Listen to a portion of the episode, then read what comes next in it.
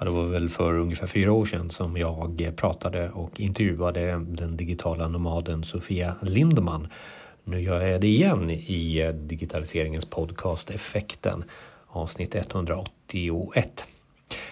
Då för fyra år sedan så hade väl Sofia just varit en av de här första eh, som hade jobbat som digital nomad Eh, och kanske också ifrågasatt eh, av många. Och så kom den där pandemin och det blev ett gigantiskt eh, förändring av arbetslivet. Och vi förändrade kanske också synen på arbetet. Det blev en livsstil, inte en ort som vi befinner oss på och många har reflekterat över sina liv och ja, vi kanske arbetar lite platsoberoende.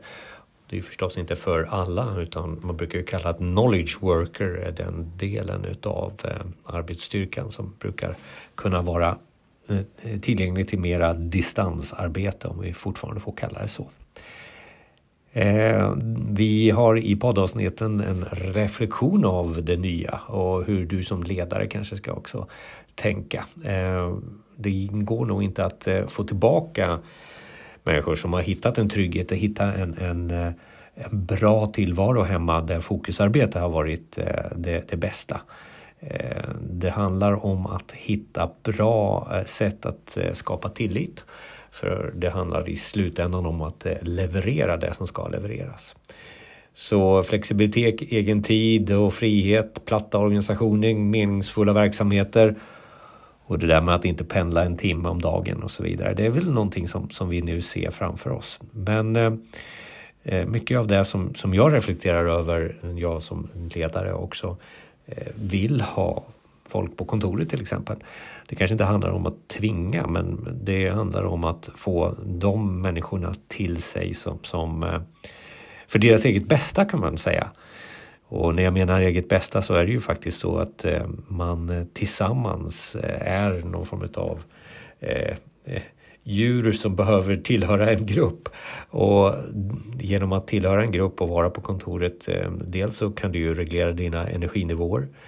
Du kommer också kunna läka, både fysiskt och psykiskt i, i grupp. Och bara de där två första kanske är svåra saker att mäta för dig själv när du trivs och, och vill vara hemma så mycket som möjligt. Eh, och det tredje är ju mer för organisationens del. Det är ju innovation och nya idéer. Man brukar klyschigt säga att det är vid kaffeautomaten man konverserar och kommer på nya idéer. Och för att gå ifrån den klyschan så, så är det just eh, den rubriken det handlar om, innovation och, och nya idéer för organisationen att växa. Så hur jobbar vi med lönsamhet och hur jobbar vi med tillväxt? Det tror jag det är det många som diskuterar just nu. Individen dock har en eh, ganska bra tillvaro framför sig. Ta bara hand om eh, dig själv och försök att navigera dig själv så att du håller både psykiskt och fysiskt i det nya normala.